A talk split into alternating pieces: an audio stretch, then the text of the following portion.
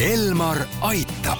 Elmar aitab saate toob teieni pereoptika, kogu pere prillipood tere, head kuulajad, eetris on Elmar Aitab ja kui me eilses saates rääkisime keskealiste ja vanemate silmade tervisest ja sellest, et äh, oma lähedase nägemiskontrolli viimine võiks olla hea jõulukingi idee, sest mis saaks olla parem kingitus jõuludeks kui hea nägemine, siis äh, tänasel teemal jätkame. mina olen Ingela Virkus ja koos minuga on stuudios pereoptika juhatuse esimees Jaan Põrk. tere! pereoptika optomeetrist Laura Tõnav. ning Essilori prilliklaaside tootespetsialist Margo Tinno. tere! Kui siis on äh, silmakontrolli tuldud, milline selline klassikaline nägemiskontroll äh, välja näeb, mis selle käigus tehakse, kui me räägimegi just, et äh, teie kliendiks või patsiendiks, näiteks silmaarstile, on keskealine inimene või vanem inimene? kõigepealt mõõdetakse masinaga selline silma kogurefraktsioon, mida tehakse tegelikult igas vanuses. mõõdetakse nägemisteravust ilma prillita olemasoleva prilliga ja siis kindlasti seda tehakse nii kaugele kui lähedale. Äh, kontrollitakse üle silmarõhk ja optometristi juures äh, saab ka kontrollida silma esiosa tervist. Ähm, silmaarst sellele lisaks kontrollib ka silmapõhja ja meie kuiva silmakeskuses saame siis kontrollida ka sarvkesta seisukohta või olukorda aga ükski nendest asjadest äh, haiget inimesele ei tee, on ju, et silmarõhu mõõtmiseks ei ole kuhugi vaja midagi torgata, midagi.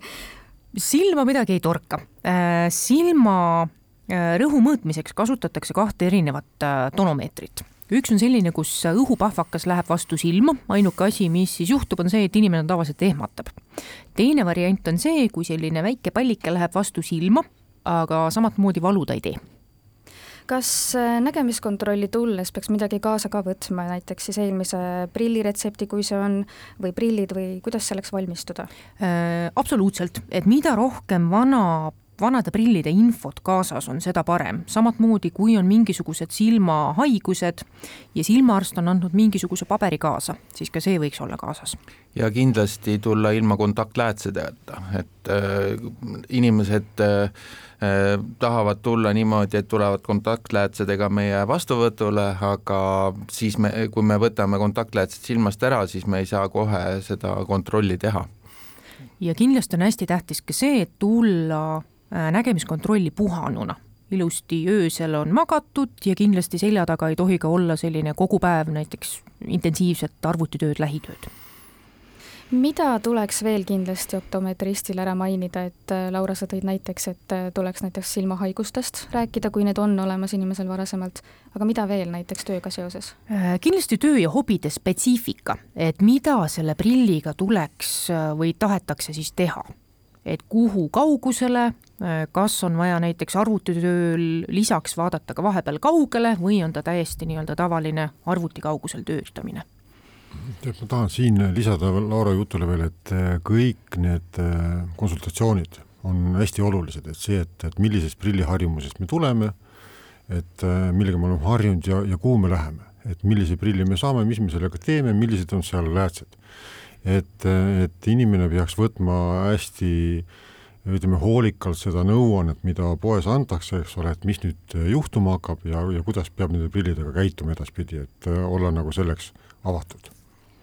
et tegelikult ongi niimoodi, et optometristidel on selline nii-öelda klassikaline anamneesi küsitlusleht, mida enam-vähem iga kliendi käest küsitakse. aga jah, see on hästi, tegelikult ikkagi hästi individuaalne. et et äh, optometrist küsibki erinevaid küsimusi, et saada siis teada, mis vajadused reaalselt kliendil on.